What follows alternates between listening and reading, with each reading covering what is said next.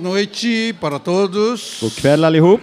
Eh, Rita e eu estávamos muito expectativa de vir aqui, Jag och Rita vi såg väldigt mycket fram emot att komma hit. porque ficamos três anos impedidos de vir. För vi, under tre år så kunde vi inte komma. Não era permitido a nossa entrada aqui no Vi, país. vi var inte tillåtna att komma in i landet. E assim que abriu a, a fronteira, Men så fort som gränsen öppnades nós quisemos vir e vamos ficar mais tempo dessa vez så ville vi komma och vi kommer stanna lite längre den här tiden, den para här gången. compensar o tempo que a gente não estava. För att ta igen de, den tid vi inte kunde vara här.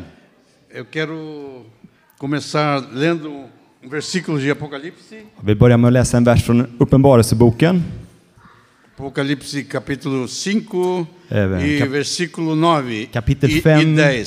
Kapitel 5, vers 9 och 10. Och eh, de sjöng en ny sång. Du är värdig att ta bokrullen och bryta dess sigill. För du har blivit slaktad och med ditt blod har du friköpt människor åt Gud av alla stammar och språk och länder och folk. Du har gjort dem till ett kungarike och till präster åt vår Gud och de ska regera på jorden. Aqui fala que é, o Senhor nos comprou com seu sangue os que procedem de toda a tribo, Här, här står det att Herren har köpt med sitt eget blod människor som kommer från varje stam, língua, povo e nação. språk, land och folk. E nos constituiu para reino e sacerdotes. Han har gjort oss till ett kungarike och till präster. É, é, aqui temos gente de, de alguns países diferentes. Här har vi människor från några olika länder. Temos os irmãos da Ucrânia, Vi har våra eh, syskon från Ukraina, os irmãos é, da Noruega, vi har syskon från Norge, ah, irmãos do Brasil, från Brasilien också, os irmãos da Suécia. från Sverige. Eu sei também que tem alguém da Bélgica, Jag vet inte om det finns någon från Belgien här, alguém da, It- da Itália, från Italien. é, mais algum país que eu não citei? Finns det något mer land här som jag inte har nämnt? Índia. Índia. Yes. Então, aqui tem uma pequena amostra Så här finns ett, eh, ett litet smakprov desses que foram comprados pelo sangue de Jesus. utav de som har blivit friköpta med Lammets blod. E um dia vai ser uma grande multidão Och en dag så kommer det vara en stor folkskara de todas as tribos, från alla stammar, povos e nações, språk, länder och co- folk. comprados pelo sangue do Cordeiro, som har blivit köpta av Lammets blod é, adorando ao Senhor. och vi kommer tillbe Herren. E nessa noite eu queria trazer uma boa notícia para Och vocês. jag vill ge er goda nyheter ikväll. É que Jesus está voltando. Det är att Jesus kommer tillbaka. Esse, esse é o tema dessa noite. Och det är det jag vill prata om ikväll. É a, a- a proximidade da volta de Cristo Hur nära Jesu återkomst det är e como nos devemos, como devemos nos preparar och hur vi borde förbereda oss para recebê-lo. för att ta emot honom. E, então eu queria ler alguns textos da palavra, Så jag vill läsa några começando skriftställen. com Mateus 16, 1 a 3. Börjar i Matteus 16, 1-3. Matteus 16, 1-3. Fariseerna och sadukeerna kom fram och ville pröva Jesus och bad honom visa dem ett tecken från himlen. Men han svarade dem, på kvällen säger ni, det blir vackert väder för himlen är röd. Och på morgonen, idag blir det oväder för himlen är röd och mulen. Himlens utseende förstår ni att tyda, men tidernas tecken kan ni inte tyda. E também queremos ler em Lucas 12, 54 a 56. Och nu går vi till Lukas 12, verserna 54 till 56. 12, Lukas 12, 54 till 56.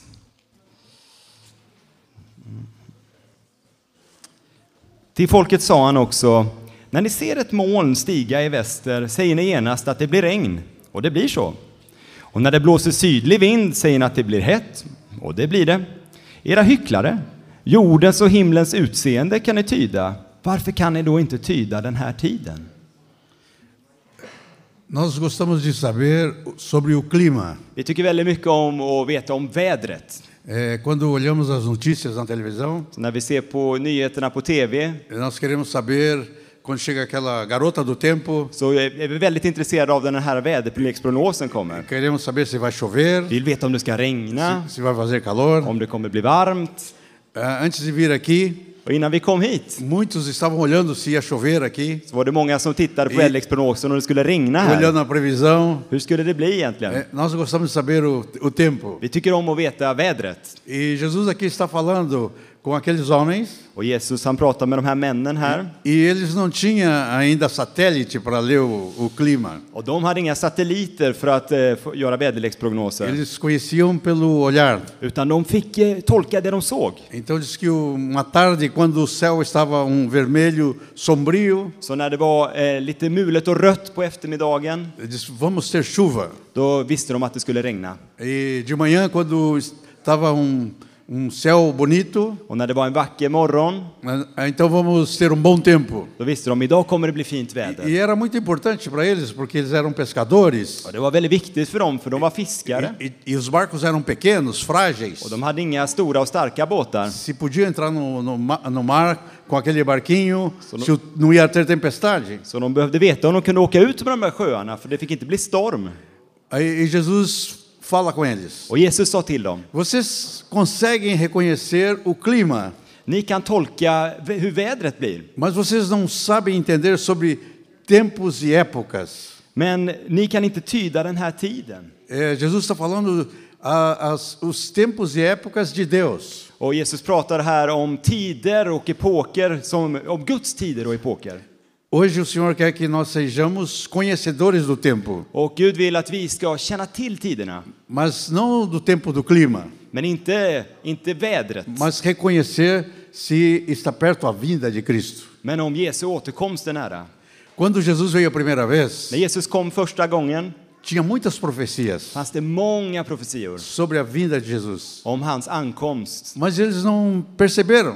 Men människorna förstod ändå inte, Eles não eram conhecedores do tempo. för de kände inte till tiden. Poucas pessoas estavam esperando Jesus a primeira vez. Det var få som väntade på Jesus första gången. Nós podemos mencionar Simeão, Vi kan nämna här Simeon, Ana, Hanna i que templet, estavam no templo. som var i templet. Podemos mencionar os três magos que vieram do Oriente, Vi kan nämna de tre vise männen som kom ifrån que Orienten. estavam olhando as estrelas De såg på stjärnorna e, e sabiam que estava chegando um rei. och de visste att en kung höll på att komma. E depois Herodes mandou chamar os, os escribas Och sen kallade Herodes till sig de e skriftlärda dizer onde é que vai nascer o rei dos och judeus. frågade dem vart ska, eh, vart ska ku- judarnas kung födas? Mas eles estavam distraídos, Men de var distraherade. muitas profecias, Det fanns så många profetior, mas eles não sabiam. men de visste ändå inte. É, nós temos que cuidar Så vi behöver akta oss para não acontecer a mesma coisa agora. så att det inte händer samma sak nu. É, Jesus está às portas, Jesus står vid dörren. há muitos sinais. Det finns många tecken. É, perguntaram para Jesus, vo- aqui em Mateus 24, Om vi går till Matteus 24 så frågade de till Jesus versículo 3 até o 14. i Matteus 24, 3 till 14, det är ett lite längre stycke. Nu ska vi se. Vamos ler esse texto. Så vi kan läsa här. Matteus 24, 3-14. När Jesus sedan satt på Olivberget och lärjungarna var ensamma med honom kom de fram till honom och frågade Säg oss, när ska det ske? Och vad blir tecknet på din återkomst och på den här tidsålderns slut? Jesus svarade dem Se till att ingen bedrar er. Många ska komma i mitt namn och säga Jag är Messias och de ska bedra många. Ni kommer att höra stridslarm och rykten om krig.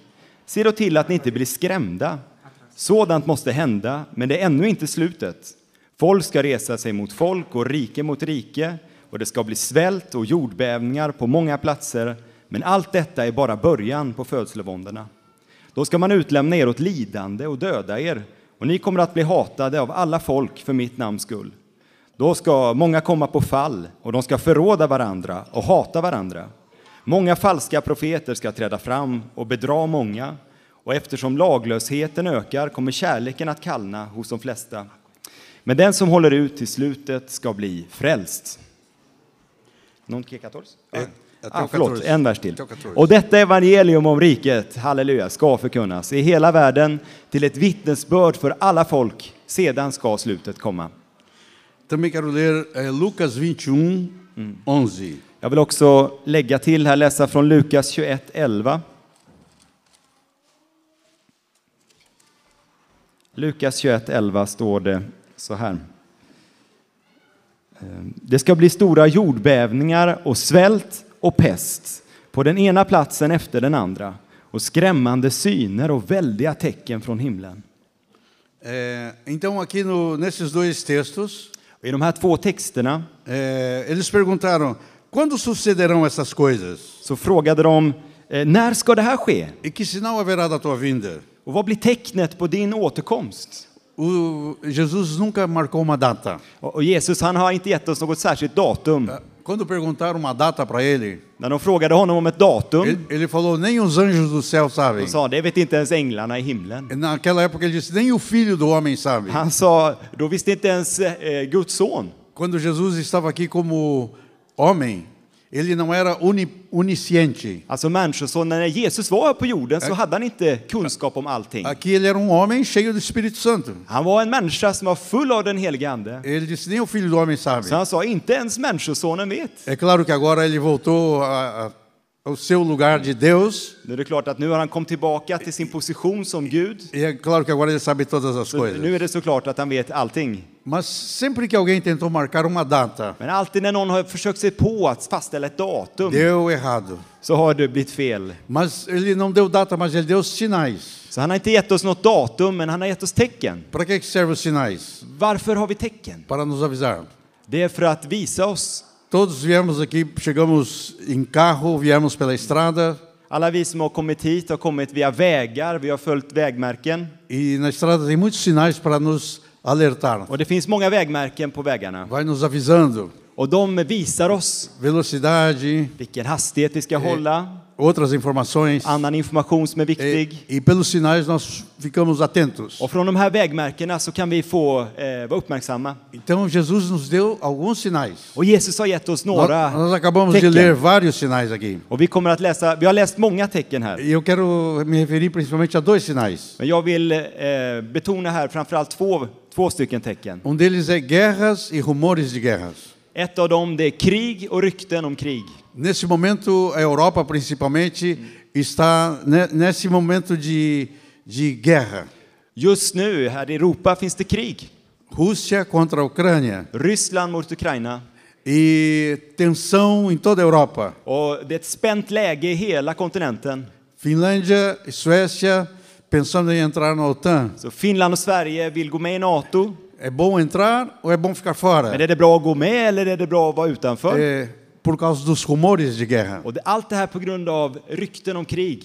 Nesse momento, há mais de 10 guerras é, no planeta. Just nu på planeten finns det mer än tio krig. É claro que nossos olhos estão mais voltados para a Europa, Det är klart, vi ser mer på, mest på kriget i Europa just nu. mas muitos anos já tem uma guerra na, S- na Síria, Men i Syrien finns ett krig som har pågått há länge. guerras na África Det finns flera krig i Afrika e em outros lugares. och på andra ställen också. Rumores de guerra. Och det finns rykten om krig. Mas o Senhor diz para nós: é, n- ainda não é o fim, Men Herren säger, men det är é ännu o, inte slutet. é o- é o princípio de dores. Det är bara början på fö- födslovåndorna. Mas todos que estudam a palavra Men alla som har studerat ordet creio que nós já estamos nesse momento de princípio de dores. förstår att vi är i den här början av födslovåndorna. É, uma irmã teve uma visão Det var en, en syster, hon hade en vision e viu um, re- um grande relógio no céu och hon såg en stor klocka på himlen, que marcava 10 para a meia-noite. eller i himlen, och där stod det 10 minuter i midnatt. Ela entendeu que faltava pouco tempo. Så det fick henne att förstå att det fattas inte så mycket tid nu.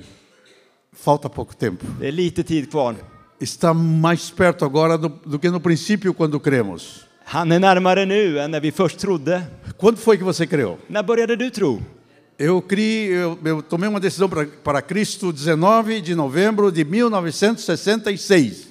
Jag tog ett beslut att följa Jesus 19 november 1966. E você, quando foi que tomou uma Och du, decisão? när tog du ditt beslut att följa Jesus? Faz um ano, Var det ett år faz sedan? 10 anos, Tio år 20 sedan, anos, 20 30 år anos. sedan. Mas uma coisa nós podemos saber: Men en sak kan vi vara säkra på. Ah, ah, a volta de Cristo está mais perto hoje Att Jesu ankomst är närmare Então? do que idag quando cremos. É än det var när vi började tro. Cada dia que passa Varje dag som går é uma contagem regressiva. är det... Är, är det ursäkta, nej, förlåt.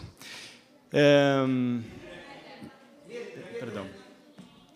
regressiva. Perdão, eu achei que foi um sinal aqui. Ah, sim, está bem. Ja, en nedräkning. Ok. é, ah, ele está voltando. Han, är, han kommer tillbaka. Ele está vindo. Han kommer. É, Prepare-se. Så förbered dig. Ah, em Lucas nós lemos que epidemias, outro sinal. I Lukas det står det även om pester eller epidemier. Já houve várias epidemias no decorrer da história. Och i historiens gång har vi haft många epidemier och pester. Algumas epidemias que levaram, morreram milhões de pessoas. I några av de här dog det miljontals med människor. Uma chamada peste negra, Till exempel digeldöden, a gripe espanhola, spanska sjukan. e tivemos dezenas de outras Och vi epidemias. har haft tiotals andra epidemier. Mas essa epidemia de agora Men den här epidemin som vi har nu foi algo diferente. har varit något annorlunda. Mexeu com o mundo, Den rörde om hela världen. fechou fronteiras, Gjorde att gränser stängdes. eh, eh, mudou a economia, Förvandlade ekonomin. eh, criou um caos. Det blev ett enda kaos. E muitos, eh, no Brasil, mais de 600 mil mortos. Och i, bara i Brasilien har mer än 600 000 Nos dött. Estados Unidos, mais do que isso. Och i USA många fler än så. Em todo o mundo, muitas mortes. Så många har dött i hela världen. É, mas é um sinal. Men det är ett tecken. A palavra diz epidemias. Ordet säger pest. É, pode ser que venha outras epidemias Det kan ainda. komma andra epidemier senare. E tudo isso é um sinal Så allt det här är tecken. para ficarmos atentos. Så att vi ska vara uppmärksamma. É, qual é o- a cronologia do, do tempo? Om vi tittar på tiden, vilken är liksom den kronologiska tiden?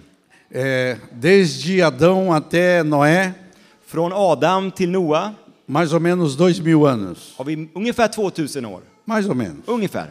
De, de Noé até Cristo, mais ou menos dois mil anos. Från Noa till Kristus, ungefär 2000 år. De Cristo até nós agora, Från Kristus till dois mil oss, anos. nu 2000 år. É, estamos perto. Så vi är nära. Qual o próximo acontecimento que a a palavra fala? Vad är den nästa händelsen som ordet talar om? Tem duas coisas que estão por acontecer. Det finns två saker som ska hända. Uma delas se chama tribulação. En av dem, den heter vedermödan eller nöden. Tribulação é é, tempos difíceis. Vedermöda, det betyder en svår tid. O mundo tem passado por muitas épocas de tempos difíceis. Här i världen har haft- har vi haft flera perioder som varit svåra. A Primeira Guerra, a Segunda Guerra foram tempos difíceis. Första och andra världskriget var båda väldigt svåra. Ah, o crash da Bolsa em Nova York em 1929 e 30 Börskraschen i New York på, eh, foi tempo difícil. var en svår tid. Mas eh, nada se compara com o que chama grande tribulação. Men inget av det här kan jämföra sig med det vi kallar för den stora vedermödan. Se nós lermos em Mateus 24, 21, Om vi läser i Matteus 24, 21. aqui diz que nesse tempo haverá grande tribulação. 24, 21 så står det, för då ska det bli en så stor nöd. É, desde o princípio do mundo até agora não tem havido nem haverá jamais. Att något liknande aldrig förekommit från världens begynnelse ända fram till nu och inte heller ska komma. Hoje, hoje não temos tempo para entrar em cada detalhe, Och vi kan inte gå in på detaljer idag. mas se você ler o livro de Apocalipse, Men om du läser Uppenbarelseboken ali é, fala quase exclusivamente desse tempo. så kan vi se att nästan allt i den boken handlar É, om den här ali fala de tiden. selos, trombetas, vozes, flagelos. Här har vi basuner, har vi skå- vredeskålar och så vidare.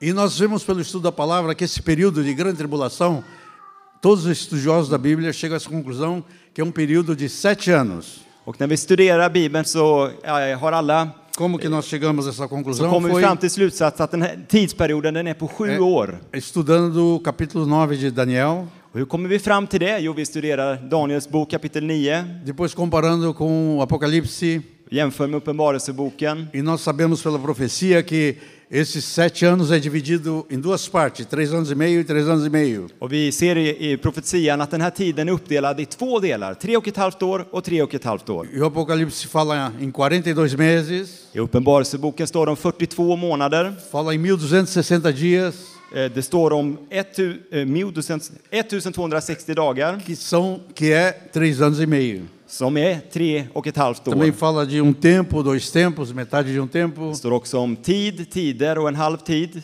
que é também três anos e meio. som också blir tre och ett halvt år. Ah, isso vai acontecer. Det här kommer att hända. Mas tem uma outra coisa que está para acontecer, Men det finns också något annat som kommer que hända. nós chamamos arrebatamento da igreja. Som vi kallar för kyrkans eller församlingens uppryckelse. É, esse texto está em 1 Tessalonicenses 4, 13. Och det här läser vi om i första Thessalonikerbrevet 4.13. Abram comigo nesse lugar para ver. Öppna där med mig. Första Thessalonikerbrevet 4.13. Ska jag- Amen. Till 18.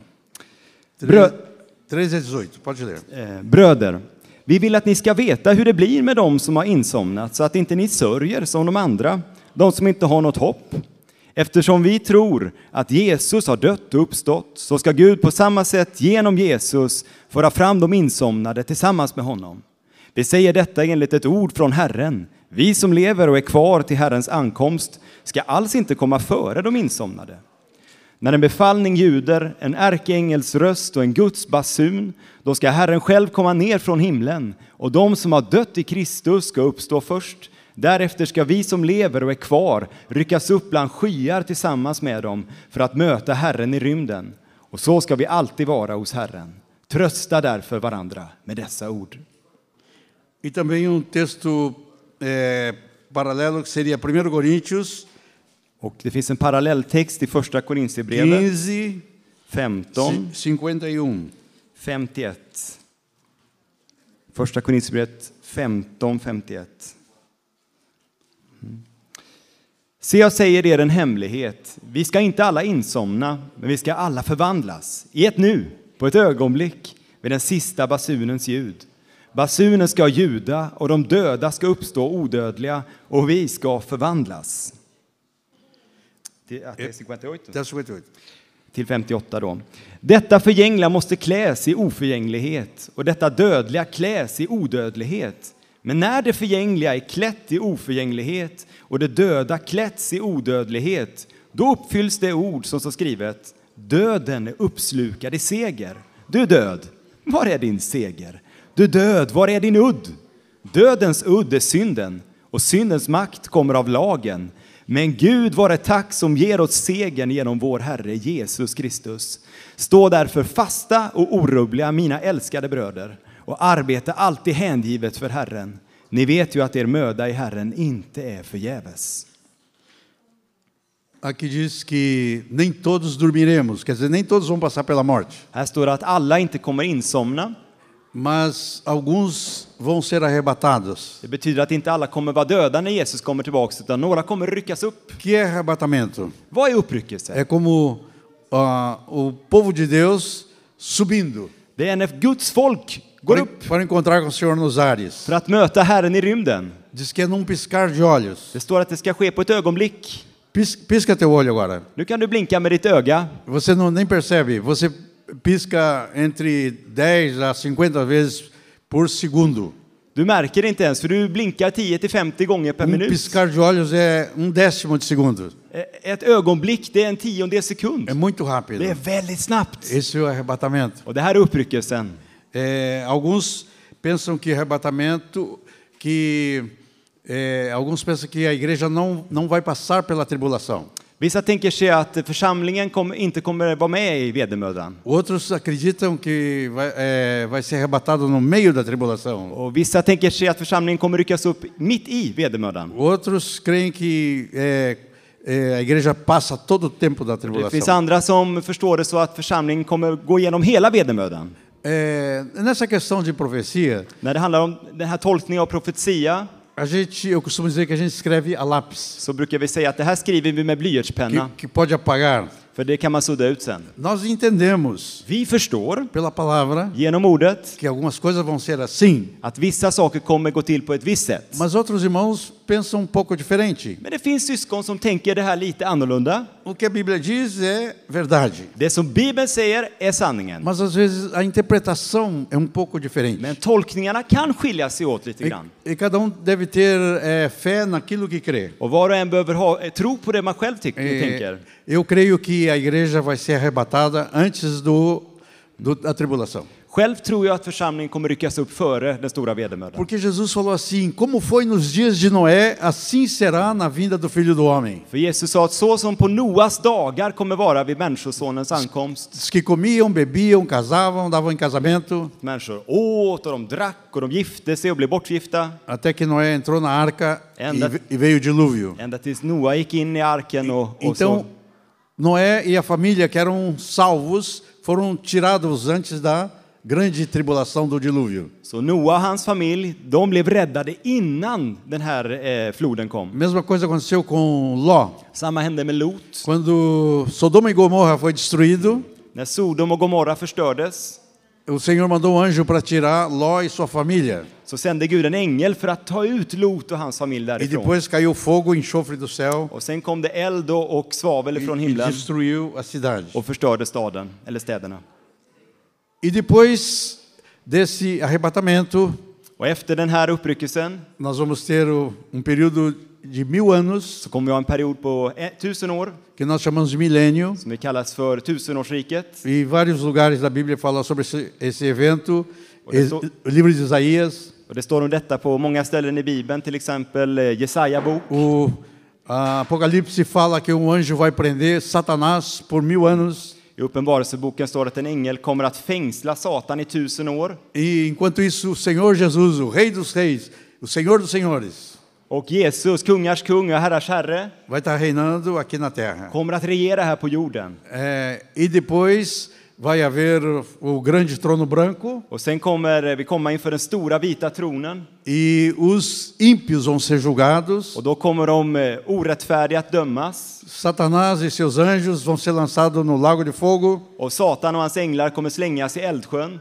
E aí creio que termina esse período que contamos o- o- os anos Och då förstår jag det som att då, för, då slutar den här tiden när vi räknar år e aí dá uma continuidade na eternidade. och vi går in i evigheten. A eternidade é como se tivesse um parênteses aqui no meio. Aqui era a eternidade antes e agora a eternidade depois. Det är som att tiden är en parentes innan. Vi har evighet innan och sen har vi en parentes och sen har vi evighet efter. É, o Senhor está preparando uma casa para nós. Så Gud, Gud han förbereder ett, eh, en plats för oss. Jesus falou: é, Mateus. na casa do meu pai há muitas moradas. Jesus sa i min fars hus finns många rum Eu vou lá preparar lugar para vocês. och jag går dit för att bereda plats åt E quando er. eu for e preparar lugar, Och när jag går dit för att bereda rum åt er, eu voltarei e vos receberei, då ska jag komma och ta er para que onde estou estejais vós também. till mig för att ni ska vara där jag är. Sempre que eu vou em algum condomínio bonito, Alltid när jag kommer till ett fint bostad, eller, eh, bostadsområde eu fico olhando e pensando: så ser jag och så tänker jag mig, tem um condomínio celestial, jag har ett bostadsområde i himlen. a casa do nosso pai. Det är min fars hus. Ele quer morar conosco. Han vill bo med Ele está oss preparando lugar. och han förbereder rum Imagina åt que oss. lugar Tänk maravilhoso. vilket underbar plats! É, Esse é o lugar que nos espera. Och det är det som väntar oss. Agora, o que, que eu devo fazer? Qual deve ser minha atitude enquanto espero o Senhor Jesus? Men medan vi väntar på Herren Jesu återkomst, vad ska min attityd vara? Em Lucas 21, 9, diz para não nos assustar, I Lukas 21.9 står det att vi inte ska bli förskräckta. não ficar com medo, Vi ska inte vara rädda. não tenha medo. Var inte rädda. Nós não estamos esperando o anticristo, Vi väntar inte på antikrist. nós estamos esperando o Cristo. Vi väntar på Kristus. Nós não estamos esperando a morte, Vi väntar inte på döden. nós estamos esperando a Vi vida. väntar på livet. Nós não estamos esperando o caos, Vi väntar inte på kaos. nós estamos esperando novos céus e nova Vi terra. väntar på en ny himmel och en ny jord. Não se assuste. Så var inte förskräckta.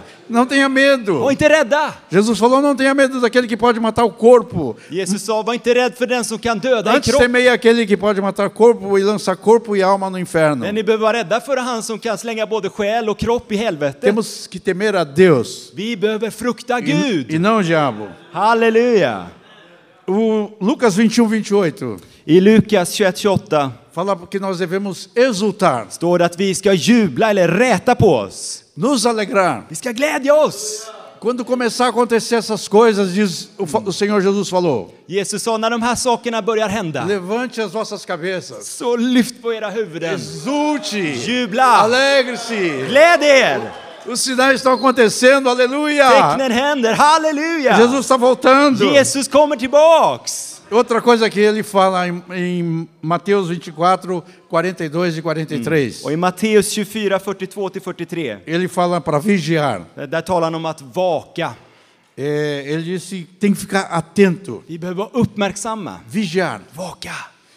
porque não sabe o dia que ele vai voltar. Vi vet inte vilken dag han kommer tillbaka. Ele manda, ele disse que vem como um ladrão. Och han säger att eh, han kommer som en tjuv. Você sabe quando o ladrão vem? Och hur kommer en tjuv? Não. Uma vez a nossa casa foi roubada. Vi vet inte när han kommer. En gång Sofie hade vi inbrott i vårt hus. A Rita estava na praia com a irmã dela. Rita var på stranden med sin syster Eu, eu tinha saído och jag var ute någonstans. e o ladrão entrou em casa. Och då kom en tjuv in i vårt hus. Quando eu voltei, estava tudo revirado. Och när jag kom tillbaka så var huset kaos Eu não pude prever. och jag hade ingen aning om att han skulle komma. E Jesus eh, usa esse exemplo. Och det här exemplet ger Jesus Ele till diz oss. que ele vai vir inesperadamente. Han ska komma när vi minst O anar det. arrebatamento pode acontecer a qualquer hora. Så uppryckelsen kan hända när som helst. Gi, fica atento. Var uppmärksamma. Eu, eh, na minha juventude, eu fiz parte da Marinha. Hallå? Ja, men den är igång igen. När jag var ung så tjänstgjorde jag i, i flottan E às vezes eu, eh, eu fui fuzileiro naval, och jag var en- någon slags eh, Navy. ja, eh, Navy, eh, marinsoldat. Yeah. Ah, e às vezes eu estava de guarda, Och ibland så hade, var jag på vakt tinha que vigiar. och jag var tvungen att vaka. E, mas eu não era um bom guarda. Nej, Jag var inte så bra på att vaka. Às vezes jag dormia, Ibland somnade jag när jag skulle vara, ha vakttjänstgöring. arrumava um lugarzinho, me sentava Så jag, e tog, com o fuzil dormia. så jag satte mig på en plats med mitt vapen och så somnade jag. E quando chegava o sargento, Och eh, när sergeanten kom me pegava dormindo, och såg att jag sov me anotava så skrev han upp det i sin lilla bok e depois dava prisão. och då fick jag sitta i, i fängelse. Em tempo de guerra, se o vigia dorme, Om det skulle varit krig, om vakten somnar i krig, ele vai à corte marcial så kommer han till krigsrätt e pode ser fuzilado. och han kan bli faktiskt straffad med Ele döden. dormiu e botou todo o quartel em perigo. För när han somnar så, så eh, blir det en risk för alla de andra. Por isso que Jesus fala: vigie. Därför säger Jesus vaka. É importante vigiar. Det är viktigt att vaka. A- a- Alguns irmãos entendem que quando Jesus voltar, Vissa bröder de förstår det som att när Jesus kommer tillbaka que ele vai levar os que estão vigiando. så kommer han bara ta med sig de som vakar. E os que não estão vigiando vão ficar aqui para a grande Och de tribulação. som inte vakar de kommer vara kvar här i vedermödan. Porque se ele vai levar os que vigiam e os que não vigiam, För om man skulle ta med sig både de som vakar och de som inte então vakar, não é importante vigiar. varför ska vi då vaka? Mas Jesus falou: vigia, Men Jesus sa vaka, porque o filho do homem vem för Människosonen kommer. e, e você tem que estar atento. Och vi behöver vara uppmärksamma. Em Ma- Marco, eh, Mateus 24, 44, fala para ficar apercebido. Och i Matteus 24, 44 står det att vi ska vara beredda. É, Lucas 21, 34 a 36. Och eh, Lukas 21, 34-36. Pode ler para mim? Eh, Lukas 21, 34-36 står det så här. Akta er för att tynga era hjärtan med festande, rus och livets bekymmer så att den dagen plötsligt drabbar er som en snara, för den ska drabba alla som kommer över hela jorden. Var ständigt vakna och be om kraft att undfly allt som ska ske och kunna bestå inför Människosonen. Sim. Aqui diz assim: é, acautelai-vos para que não suceda que vosso coração fique sobrecarregado com a orgia. Här står det, akta er för att tynga era hjärtan med festande. E nós podemos dizer assim: ah, orgia eu já não estou mais, eu estou fora. Och då kan vi tänka, ah, jag, är- jag går inte på sådana där fester i världen längre, så jag, det är lugnt för mig. Tome cuidado com a embriaguez. Och med rus, med att berusa sig. Ah, eu não me embriago mais. Nej, men jag dricker mig inte full längre, inga problem. Não é meu problema. Mas as preocupações deste mundo, Livets bekymmer då? opa, Aj, aj, aj. aí parece que tem coisa. Kanske det finns något där. Jesus falou: cuidado com se está preocupado com o que comer, Jesus sa att vi ska bekymra oss Hon för kan vad vi beber. ska äta och com o dricka, que vestir, vad vi ska klä oss med, o que, que eu vou estudar, vad jag ska studera, a minha aposentadoria. på, med min pension. As preocupações desse mundo Livets bekymmer. são, são legítimas, De är, är- det är rätt att vi tänker på de här sakerna, Mas o nosso coração não deve estar colocado em primeiro lugar nessas coisas. men de här kan inte ha första platsen i våra hjärtan. Jesus falou: busque em primeiro lugar o reino de Deus. Jesus sa sök först Guds E, rike, e todas essas coisas serão så ska ni acrescentadas. få allt det andra också. Busque o reino de Deus. Sök Guds rike, E tudo vai ser så acrescentado kommer ni få allt det andra. sobre esse tempo da volta. Och så när vi talar här om No, Jesu kap- återkomst, O capítulo 25 de Mateus. i Matteus 25, Jesus contou a história das dez virgens. så talar Jesus om tio jungfrur. Nós não vamos ler agora para en- eh, encurtar o tempo. För att spara tid så läser vi inte det nu. Mas você conhece a história. Men ni, ni känner till den här berättelsen. Eram dez Det virgens. fanns tio jungfrur. Eh, todas estavam esperando o Senhor. Alla väntade på Herrens Mm. återkomst. Mas cinco delas tinha azeite. Men fem hade olja E cinco imprudentes não tinham azeite. och fem okloka hade ingen olja. Quando escutou que o, o noivo estava chegando, Så när de hörde att nu kommer brudgummen. as que não tinham azeite pediram: dá um pouquinho do teu azeite para nós. De som inte hade någon olja, de bad till de förståndiga. Ge Jag kan- till oss! E as, noi- as noivas prudentes Men de, de kloka disse: jungfrurna, não, porque senão vai faltar para nós e para vocês. de sa nej, det kan vi inte göra för då finns det inte tillräckligt för oss. Diz que os imprudentes saíram para comprar azeite. Så de okloka, de, s- de gick iväg för att försöka köpa olja. E o noivo chegou Och då kom brudgummen e fechou a porta. och han stängde dörren. Elas ficaram fora. Så de hamnade utanför. Parece que é aqueles que não estão vigiando vão ficar, né? Så det verkar som att de som Oj, inte jag tycker bakar Jesus kommer vara sa då. kvar, eller hur? Precis som, det var ju det som Jesus sa. Foi isso que Jesus falou. Det var det som Jesus sa. Eh, azeite, nós sabemos que é o Espírito Santo. Olja, det vet vi att det är den helige Ande. E a palavra de Deus diz assim, em, em Efésios 5, 18, enchei-vos do Espírito. Och i Efesierbrevet 5.18 det står det Låt er uppfyllas av Anden. Enche a tua, aze- a tua lâmpada, enche tua lâmpada com azeite. Se till att din lampa är full med olja. Encha do Espírito. Fyll med Anden.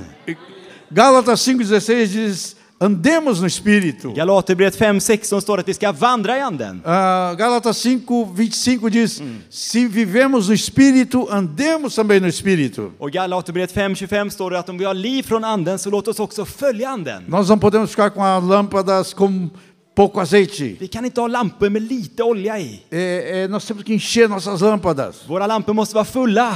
É, Nós somos um povo pentecostal. Vi måste vara pingstfolk. Nós fomos, começamos com o, o- o fogo Vi behöver e eld. não podemos viver na fumaça.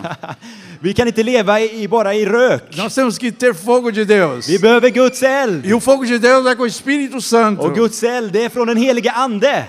É, quando uma pessoa está cheia do Espírito Santo, När en person är full av den helige Ande Ele adora o Senhor. så lovar han Herren. Falando entre vós com salmos e hinos e cânticos espirituais. Tala med hymner och so- andliga sånger och salmer. O, a linguagem do céu é louvor, Himlens språk är lovsång. é adoração. Det är tillbedjan.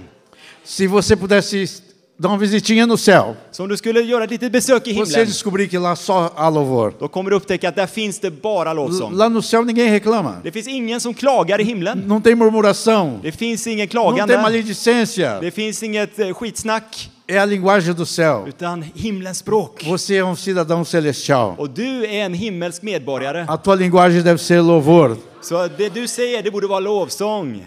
1 Tessalonicenses 5,18 diz: Em tudo dai graças. I, i första Thessalonikerbrevet 5, 18 står det Tacka alltid Gud. Apen- Aprenda a agradecer a Deus. Så lär dig att tacka Gud. Ah, uma pessoa cheia do Espírito En Santo, person som är full av den helige Ande, ele tem impulso. där han har liksom vigör. O que, que é impulso? Vad är den här impulsen? Ele tem o dínamos de Deus. Han har Guds dynamos. É, é em Efésios, falando do poder de Deus, I Efesierbrevet står det om Guds kraft. usa três palavras que hoje eu estava conferindo ali com o Ion, que desta agora hora- eu não vou lembrar. Där står de tre ord som ni kan fråga Janne om sen, för jag kommer inte ihåg Mas dem nu. fala sobre dínamos. Men där står det ett av Daí dem vem a är, palavra dinamite, ett av dem är dynamos. Och Poder. från, och från det har vi ordet que nós dynamit. somos cheios da autoridade, kratos. Vi är fulla av auktor, Guds auktoritet. É, ali fala é, que nós, quando você tem o Espírito Santo, Och när du har den helige Ande i o ditt liv, mesmo poder que ressuscitou Jesus så har du samma kraft som Está- väckte upp Jesus från de está sobre döda você. i dig. Quem não está cheio do Espírito Santo? Den som inte är full av den helige Ande Um exemplo é, é como um carrinho de mão.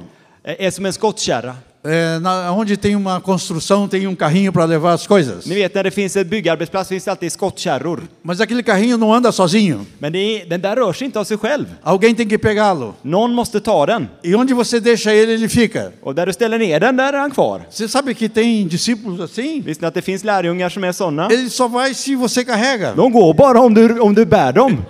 Ele só vai no grupo se você vai buscar em casa. Och, och, kan- vad- okej. Só vai no grupo caseiro Ah, se ah. tiver que buscar em casa. Ja, okej, han, han kommer bara på husförsamlingen om du hämtar honom i hans hem. Esse é carrinho de mão. Det här är en skottkärra. Às vezes parece também um outro exemplo, é um carro velho. Ett annat exempel det är en gammal bil. O- Outro dia eu fui com o Nilson buscar um carro velho. Häromdagen så kom, åkte jag med Nilsson i en gammal Um bil. carrinho azul que ele tem. Eh, Hans ga- blåa bil. Ficou parado. Och den stannade. Acabou a bateria. Batteriet tog slut. Ele Não andava mais. Och det gick inte att köra den mer. Tem alguns na igreja que parecem um carro velho. Vissa i kyrkan, i församlingen är som att de Nå- skulle vara en någonting gammal energi. bil. Det finns ingen energi. Não anda. De rör sig inte. Mas se você está cheio do Espírito Men om Santo, du är full av den se heliga você Ande. é uma dessas virgens com azeite, Om du är en sån jungfru som você, har olja. você está sempre, pastor, o que, que tem para fazer? Då säger du alltid, min pastor, vad finns det att göra? Ah, vai ter reunião de oração. Ja, det är bönemöte. Ah, conta comigo. Okej, du kan räkna med Ah, mig. nós vamos para a praça Ja, evangelizar. vi ska vi ha evangelisation på torget. Conta comigo. Ja, du kan räkna med Ah, mig. tem alguém aqui que precisa receber oração. Ja, det finns någon här som behöver förbön. Ah, eu posso ir. Ja, jag kan gå. Jag kan Ele gå. tem energia. Han har energi. Ele está cheio do Han är Espírito full Santo. av helig ande. Halleluja. Halleluja. Esse é o povo. Det här är Guds folk. Mais uma característica. En till, ki- nå- en till eh, karaktäristik eller mm, egenskap, tack. Ele é cheio de alegria. Han är full av glädje. Ah, no começo estávamos cantando aqui que ah, nós somos cheios de alegria, Här né? sjöng vi förut att vi är fulla av Cheio de glädje. alegria. Full av glädje. A alegria do Senhor é a nossa força. Och Herrens glädje É, är vår ale- kraft. é- é fruto do Espírito Santo. Och den här glädjen är en frukt från den helige Alegria, Ande. alegria, paz, amor, Eh, glädje, kärlek och frid. é, bondade, benignidade, longanimidade, Godhet, trohet, mildhet fidelidade, mansidão, domínio próprio. och självbehärskning. Che- Cheio de alegria. Vi är fulla av Cheio glädje. de alegria. Ah, o, o povo de Deus é o povo mais alegre da terra. Guds folk är det gladaste folket som finns här på jorden. Por que somos alegres? Varför är vi glada? Nossos pecados foram perdoados. För att våra synder är förlåtna. Nosso nome está escrito no livro da vida. För att vårt namn är skrivet i Livets bok. Quando os discípulos voltaram felizes, porque até os demônios se submetiam a eles, När lärjungarna kom tillbaka så var glada för att demonerna lydde dem. Jesus falou: alegre-se mais, porque o nome de vocês está escrito no livro da vida. Då sa Jesus, var gladare för att ert, li- ert namn är skrivet i Livets bok. Ah, nós somos alegres. Och vi är glada É, e temos o Espírito Santo. för att vi har den helige Ande. O que, que nós vamos fazer para esperar o Senhor? O que vamos fazer para aguardar a volta de Jesus? Så vad ska vi göra medan vi väntar på Jesu återkomst? Nós vamos buscar o Senhor. Vi ska söka Herren. Vamos buscar a palavra. Vi ska söka hans ord. Vamos nos acertar com o irmão. Vi ska göra, stä- ställa det rätt till med vår syster, syster och bror. Para um homem, eh, para o discípulo cheio do Espírito Santo, En lärjunge som är fylld av den helige Ande. não tem espaço para estar em problema com ninguém. Det finns ingen plats i hans liv för att ha ett problem med någon annan. Se tu tem algum problema com alguém, acerte. Har du ett problem med någon så gå dit och gör det rätt. Jesus está voltando. Jesus är på väg tillbaks. Não, não, não fique fora por causa disso. Du kan inte hålla dig utanför på grund av det. Busque ao Senhor. Sök Herren. Ore, Be. jejue, Fasta. busque a palavra. Sök ordet. Porque aquele que tem de vir, virá, För han som ska komma, han kommer. e não tardará. Och han ska inte dröja. Eu quero encerrar lendo Apocalipse capítulo 22, Och jag vill avsluta med att läsa från Uppenbarelseboken kapitel, versículo 6 e 7. kapitel 22, verserna 6 och 7. E aqui diz o seguinte: Och här står det så här. Disse ainda, estas palavras são fiéis e verdadeiras. Och han sa till mig, dessa ord är trovärdiga och sanna. O Senhor Deus, do Espírito dos profetas, Herren, profeternas andars Gud, enviou o seu anjo har sänt sin ängel para mostrar as coisas que em breve devem acontecer. för att visa sina tjänare vad som snart måste ske. Eis que venho sem demora. Och se, jag kommer snart. Bem-aventurado Salig är den aquele que guarda as palavras da profecia deste livro. som håller fast vid profetians ord i denna bok.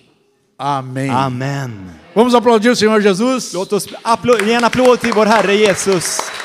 Amen.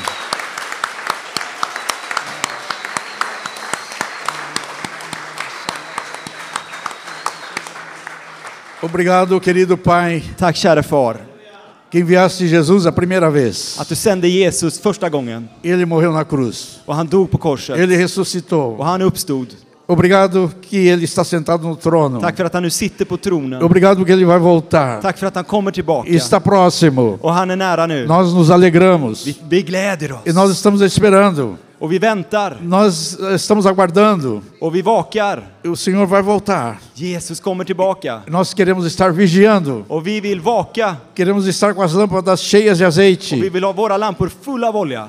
Queremos estar olhando para cima, Och vi vill se uppåt. esperando e apressando a vinda do Senhor. Och vänta och påskynda Herrens åkomst. Obrigado, porque assim como o Senhor veio a primeira vez, Tack för att så som Herren kom första gången, o Senhor virá a segunda vez. lika säkert kommer du igen. E nós estamos ansiosamente esperando. Och vi väntar med mycket upprymdhet. Maranata, ora vem, Senhor Jesus. Maranata, kom Herre Jesus. Vamos repetir isso três vezes em sueco. Låt oss E- repetera det här tre gånger. Pode På falar. svenska. Maranata? Maranata, ora vem, Senhor Jesus. Okej. Maranata, kom Herre Jesus. Maranata, kom Herre Jesus. Maranata, kom Herre Jesus. Aleluia. Halleluja. Glória a Deus. Amen. Amen. Kom Halleluja. Jesus. Amém.